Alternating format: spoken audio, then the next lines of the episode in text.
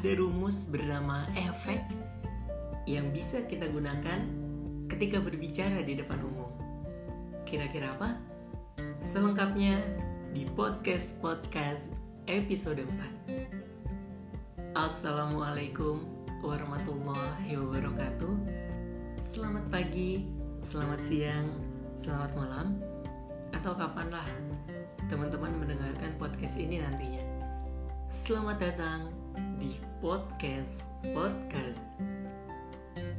Beberapa hari yang lalu, gue udah membuat Insta Story terkait tema yang akan gue bahas di episode ini nih, yaitu adalah mengenai public speaking online. Dan udah ada juga beberapa pertanyaan yang masuk yang nanti gue coba jawab di akhir episode ini ya. So, public speaking itu gampang teman-teman. Berbicara di depan umum itu sebenarnya mudah. Asalkan kita tahu cara-caranya. Dan hari ini gue coba sharing ke teman-teman semua melalui podcast ini public speaking dengan menggunakan rumus efek. E yang pertama adalah eye contact. Berikanlah kontak mata ketika teman-teman presentasi.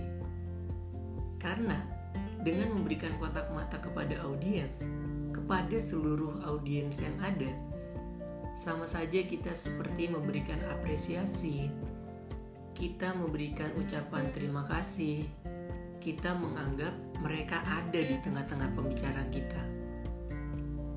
Eye contact ini menurut gue merupakan sebuah kegiatan yang mudah untuk dibayangkan, tapi sulit untuk diaplikasikan teman-teman. Jadi harus dibiasakan ya mulai sekarang. Lihatlah mata audiens itu semuanya seluruh audiens yang ada jika kita bisa melihat semuanya. Jika jumlah audiensnya terlalu banyak, 2000, 3000, 5000, maka gunakanlah sistem zonasi. Sistem zonasi tempat duduk mereka. Dan kalau melalui aplikasi online menurut gue kita lebih dipermudah karena apa? karena kita cukup memberikan eye contact dengan kamera yang kita gunakan. Dengan seperti itu, maka audiens yang jauh berada di sana, mereka bisa seolah-olah diperhatikan langsung oleh kita. Next, yaitu V atau voice, suara. Di dalam suara, ada yang namanya artikulasi atau kejelasan kata-kata yang kita ucapkan jadi kalau ngomong a, i, u, e, o harus jelas terdengar teman-teman. Yang kedua adalah intonasi. Gunakanlah intonasi yang bervariasi ketika kita berbicara. Bisa naik, bisa turun, bisa sedang-sedang aja. Tidak ada aturan yang berlaku harus seperti apa bebas teman-teman menggabungkannya seperti apa yang terpenting ketika kita ingin merubah sedikit nada bicara kita pastikan ada hal-hal ataupun ada poin penting yang ingin kita sampaikan kepada mereka contohnya kayak gini nih halo hai selamat malam teman-teman Perkenalkan nama saya Fandi dan hari ini saya akan membahas podcast seputar tema public speaking. Nah, kira-kira seperti itu. Selanjutnya, ada volume dan ada power. Volume dan power ini terkadang dianggap sama oleh oleh audiens. Padahal kedua hal ini merupakan sebuah hal yang berbeda teman-teman. Walaupun beda tipis ya. Kalau kita ngomongin volume berarti kita ngomongin tentang keras tidaknya suara. Kalau kita ngomongin power power ini seperti ya kalimat yang kita ucapkan kayak ada powernya aja gitu loh. Yang terpenting adalah yang harus kalian ingat bahwa kita bisa menggunakan suara dengan power yang kuat tanpa menggunakan volume yang keras. Seperti itu. Next, masih ngomongin tentang voice yaitu ada yang namanya speed atau tempo bicara kita atau kecepatan suara yang kita gunakan. Nah, speed ini menurut gue menjadi sebuah hal yang rancu teman-teman. Karena apa? Karena terkadang kalau kita lagi ngomong, kalau lagi presentasi, kita pengen segera sesegera mungkin untuk menyelesaikan presentasinya. Karena kita pengen cepat-cepat karena kita pengen cepat-cepat selesai, kan? Gue jadi kepleset. Suara kita jadi terkesan terlalu cepat, terlalu terburu-buru, dan kalau suara kita terlalu terburu-buru dalam jangka waktu yang lama, artikulasi kita nggak ada. Kata-kata yang kita keluarkan itu jadi nggak jelas teman-teman. Terus juga intonasinya nggak main. Suara kita flat aja monoton. Kalau suara kita flat aja monoton kayak jalan tol audiensnya ngantuk. Audiensnya tidak memperhatikan kita lagi.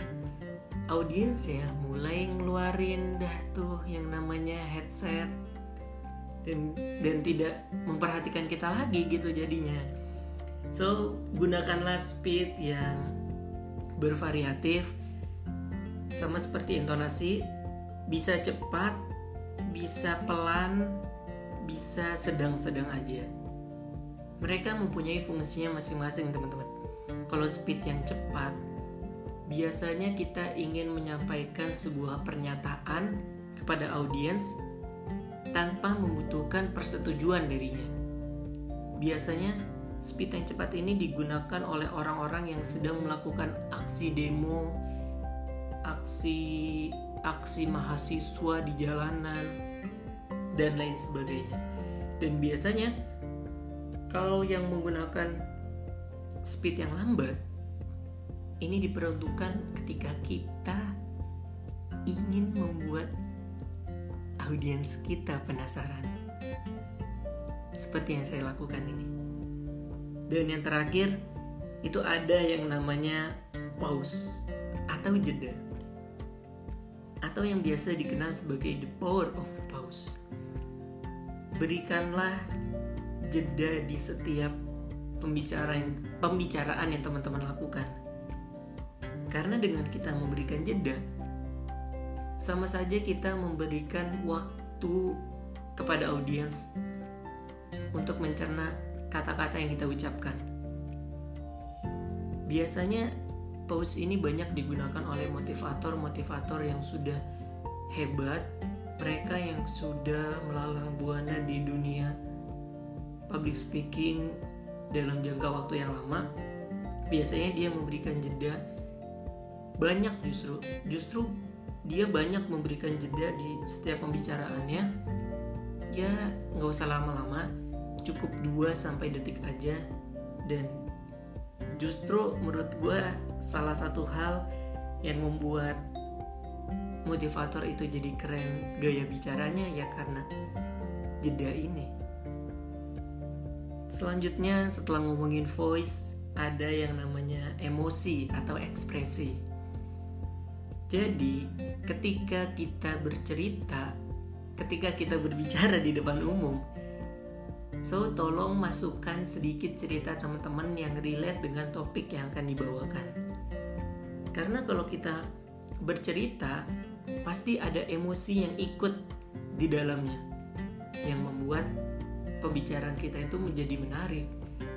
Dan terkadang audiens pun merasakan yang merasakan hal yang sama sehingga emosi ia pun akan larut dalam pembicaraan yang kita lakukan. Dan jangan lupa, ketika kita berpresentasi, gunakanlah ekspresi yang sesuai teman-teman. Kalau kita lagi ngomongin kebahagiaan, ya mukanya harus senang. Kalau kita lagi ngomongin kesedihan, ya rubahlah sedikit mimik wajah kita seperti menunjukkan sebuah kesedihan dan jangan lupa untuk selalu tersenyum ketika berbicara.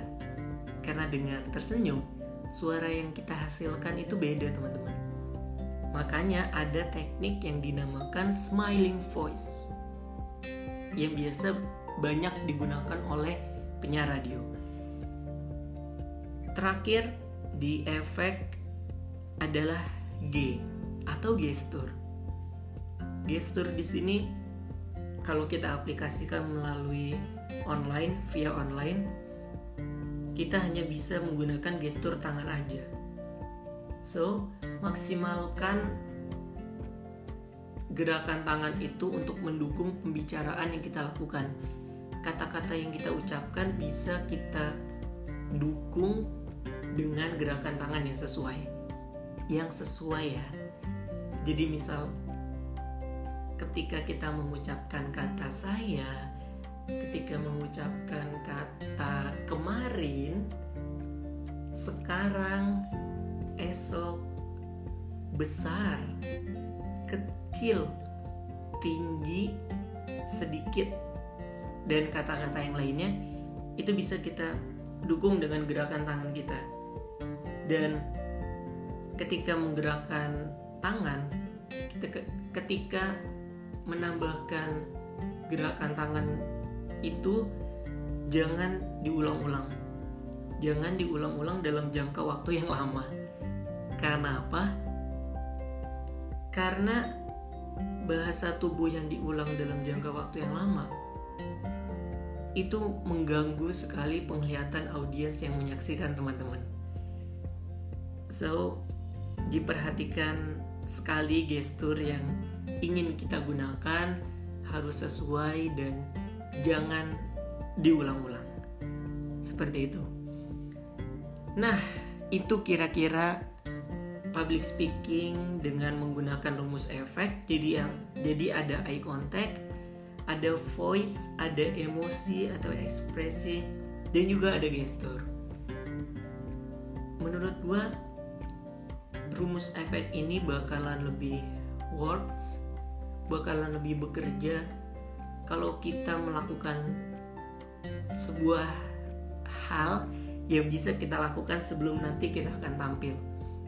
Yaitu adalah latihan. Latihan latihan dan latihan. Perbanyaklah waktu latihan sebelum kita tampil teman-teman. Kalau kita dikasih waktu tujuh hari maka nggak usah lama-lama bikin PPT-nya. Gak usah lama-lama nyari materinya. Cukup 2-3 hari aja. Dan sisanya kita gunakan dengan latihan. Karena dengan latihan terkadang kita bisa mengetahui mungkin kata-kata yang salah dengan pembicaraan kita. Ada kata-kata yang kurang tepat atau mungkin perlu diganti dengan kata-kata yang efektif atau mungkin bahasa tubuh yang keliru, yang tidak pas, kecepatan suara kita yang tidak teratur, dan kesalahan-kesalahan yang lainnya yang itu bisa kita sadari sejak awal, bisa kita ganti, dan kemudian ketika kita tampil, kita bisa menggunakan secara lebih baik lagi. Dengan latihan juga, kita bisa lebih menguasai materi. Materi yang akan kita bahas topik yang akan kita bicarakan itu kita bisa lebih menguasainya. Artinya kita lebih siap untuk tampil presentasi nanti. Dan latihan ini relate dengan pertanyaan yang nomor satu. Gimana caranya biar storytelling itu keren ketika presentasi. Nah, dengan latihan, storytelling adalah salah satu teknik dalam public speaking yang bisa kita gunakan menyisipkan sedikit cerita di awal karena pada dasarnya audiens itu seneng dengerin cerita teman-teman orang itu seneng dengerin cerita jadi masukkanlah cerita teman-teman pengalaman teman-teman kisah teman-teman yang tentunya itu relate dengan tema yang akan dibahas sesuai dengan konteks dan tentunya terstruktur. Kayak gitu. Kita langsung masuk ke pertanyaan aja ya. Yang selanjutnya pertanyaan nomor 2 tips biar nggak grogi. Duh ngomongin grogi. Ini sebenarnya apa namanya tema yang akan gue bahas di episode selanjutnya sih. Tapi nggak apa-apa. Gue bridging dulu sedikit tentang grogi ya. Jadi grogi itu wajar teman-teman. Semua orang pasti grogi. Baik itu MC yang udah 10 tahun jalan-jalan dari panggung ke panggung ataupun mahasiswa baru yang baru merasakan kuliah selama satu tahun sama aja mereka pasti grogi mereka pasti merasakan gemeteran ketika pengen ngomong tapi bedanya si MC 10 tahun ini dia bisa mengendalikan groginya. Mungkin mahasiswa baru ini dia belum bisa mengendalikan groginya. Sehingga akhirnya grogi itulah yang menguasai dirinya jadi kayak gimana sih cara mengendalikan grogi? Tunggu di episode selanjutnya. Yang ketiga Bang Fandi keren banget sih. Wah parah. Hiperbola hiperbola. Ajarin caranya biar speaking skillnya bagus dong. Hmm, belajar. Belajar belajar dan belajar. Banyakin referensi dari YouTube dari podcast dari Instagram dari Twitter. Pokoknya hal-hal yang berhubungan dengan public speaking. Terus juga kita bisa menggunakan role model orang-orang yang udah sukses di bidang public speaking. Itu bisa kita contoh yang tentunya nanti bisa kita pelajarin juga kira-kira seperti apa body language yang ia gunakan atau mungkin seperti apa nada bicara ketika mereka berbicara dan lain-lain. Dan selanjutnya mungkin ini sih Huang mencari kesempatan dan selalu mengambil kesempatan itu baik dari banyak-banyakin ikut seminar online ataupun ikut lomba-lomba yang ada itu bisa menambah ilmu juga untuk kita nanti. Karena dengan ngikutin lomba ya walaupun gagal walaupun tidak juara nggak apa-apa. Gagal coba lagi gagal coba lagi. Karena dari menurut gue nih ya dari kegagalan yang kita rasakan itu yang kita alami akhirnya kita bisa mengevaluasi nih oh ternyata gue di bagian ini masih kurang nih gue harus belajar lagi. Oh ternyata hal ini keliru. Gue nggak boleh nih ngelakuin ini lagi. Kayak gitu. Dan dari kesalahan-kesalahan itu akhirnya lu mempunyai speaking speaking skills yang lebih baik lagi ke depannya. Dan menurut gue orang-orang yang udah sukses di bidang apa pun pasti dia pernah mengalami yang namanya banyak kegagalan. Justru dari kegagalan-kegagalan itu ya akhirnya dia bisa sukses seperti sekarang. Pertanyaan selanjutnya, cara orang cadel ngomong biar enak didengar orang dari Dika Gilang Erlangga sebenarnya orang cadel itu nggak apa-apa dik wajar cadel itu bukanlah sebuah hal yang harus dimaklumi. Lu nggak harus malu kalau cadel. Justru ada kok penyiar radio yang sukses tapi dia cadel. Riko Ceper dia cadel tapi sukses penyiar e-radio Nikta Gina suaranya cempreng tapi dia kaya cuy. So menurut gue nggak apa-apa terima aja kecadelan lu itu nggak apa-apa terima aja. Terus gunakanlah cadel itu menjadi sebuah justru menurut gue bisa digunakan sebagai kekuatan yang kemudian bakal menjadi keunikan sendiri yang ada di diri lo sebagai orang cadel dengan beda dengan orang lain yang tidak cadel itu beda.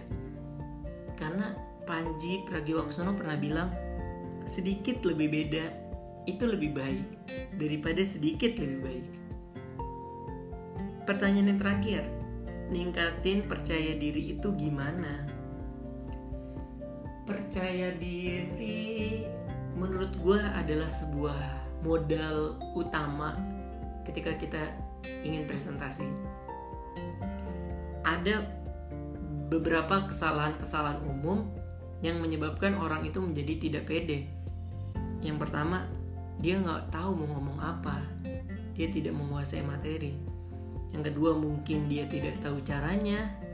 Dan yang ketiga yang paling sering terjadi yang gue pun pernah pernah kayak gini ya yaitu biasanya kita itu takut gagal. Biasanya kita itu takut untuk mencoba. Biasanya ya ketakutan-ketakutan lainnya yang sebenarnya itu cuman ada di pikiran kita doang. Yang pertama kalau kita nggak tahu mau ngomong apa ya kita latihan. Biar kita bisa menguasai materi. Biar kita tahu oh gue opening ngomongnya kayak gini nih. Oh gue talk atau gue isinya nanti mau ngomong A sampai Z seperti ini. Oh nanti gue closingnya mau pakai quotes sedikit dari sini kayak gitu dengan latihan kita akhirnya bisa tahu kita bakal ngomong apa yang tentunya kalau kita tahu kita mau ngomong apa pasti kita pede.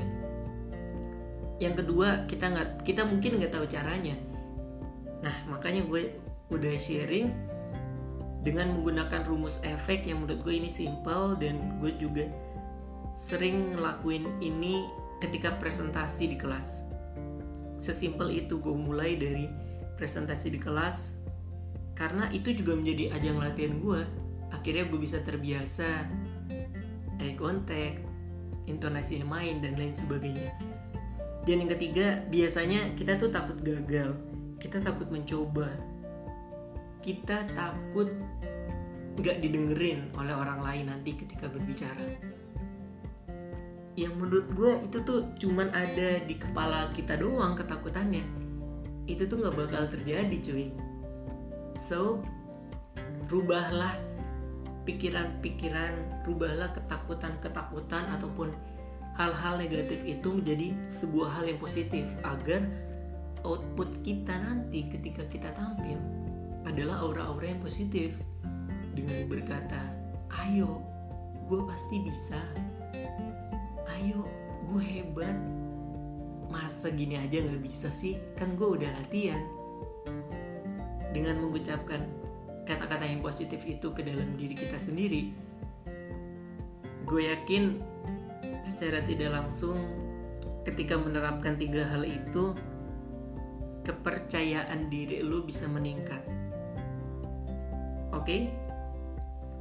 gue rasa cukup sekian. Oh ya, kalau mungkin jawaban-jawaban gue ini kurang kurang memuaskan atau mungkin ada yang ingin lu tanyakan lagi, boleh banget kita nanti diskusi bareng, kita nanti ngobrol-ngobrol bareng tentang public speaking ini. Terima kasih buat yang udah bergabung, buat yang udah memberikan pertanyaan ada Nai, ada Awang, ada Dika, dan ada Shiva. Terima kasih juga gue ucapin khusus kepada lembaga bernama Suara Gama Training Center atau yang biasa dikenal dengan STC karena STC ini adalah rumah pertama kali gue belajar public speaking dan sampai sekarang gue berterima kasih banget. Dan juga terima kasih buat yang udah dengerin podcast podcast episode 4 kita ketemu lagi minggu depan so jika sampai detik ini mimpimu belum tercapai jangan pernah rubah mimpinya. Tapi rubahlah caranya. Fandi pamit. Wassalamualaikum warahmatullahi wabarakatuh and see ya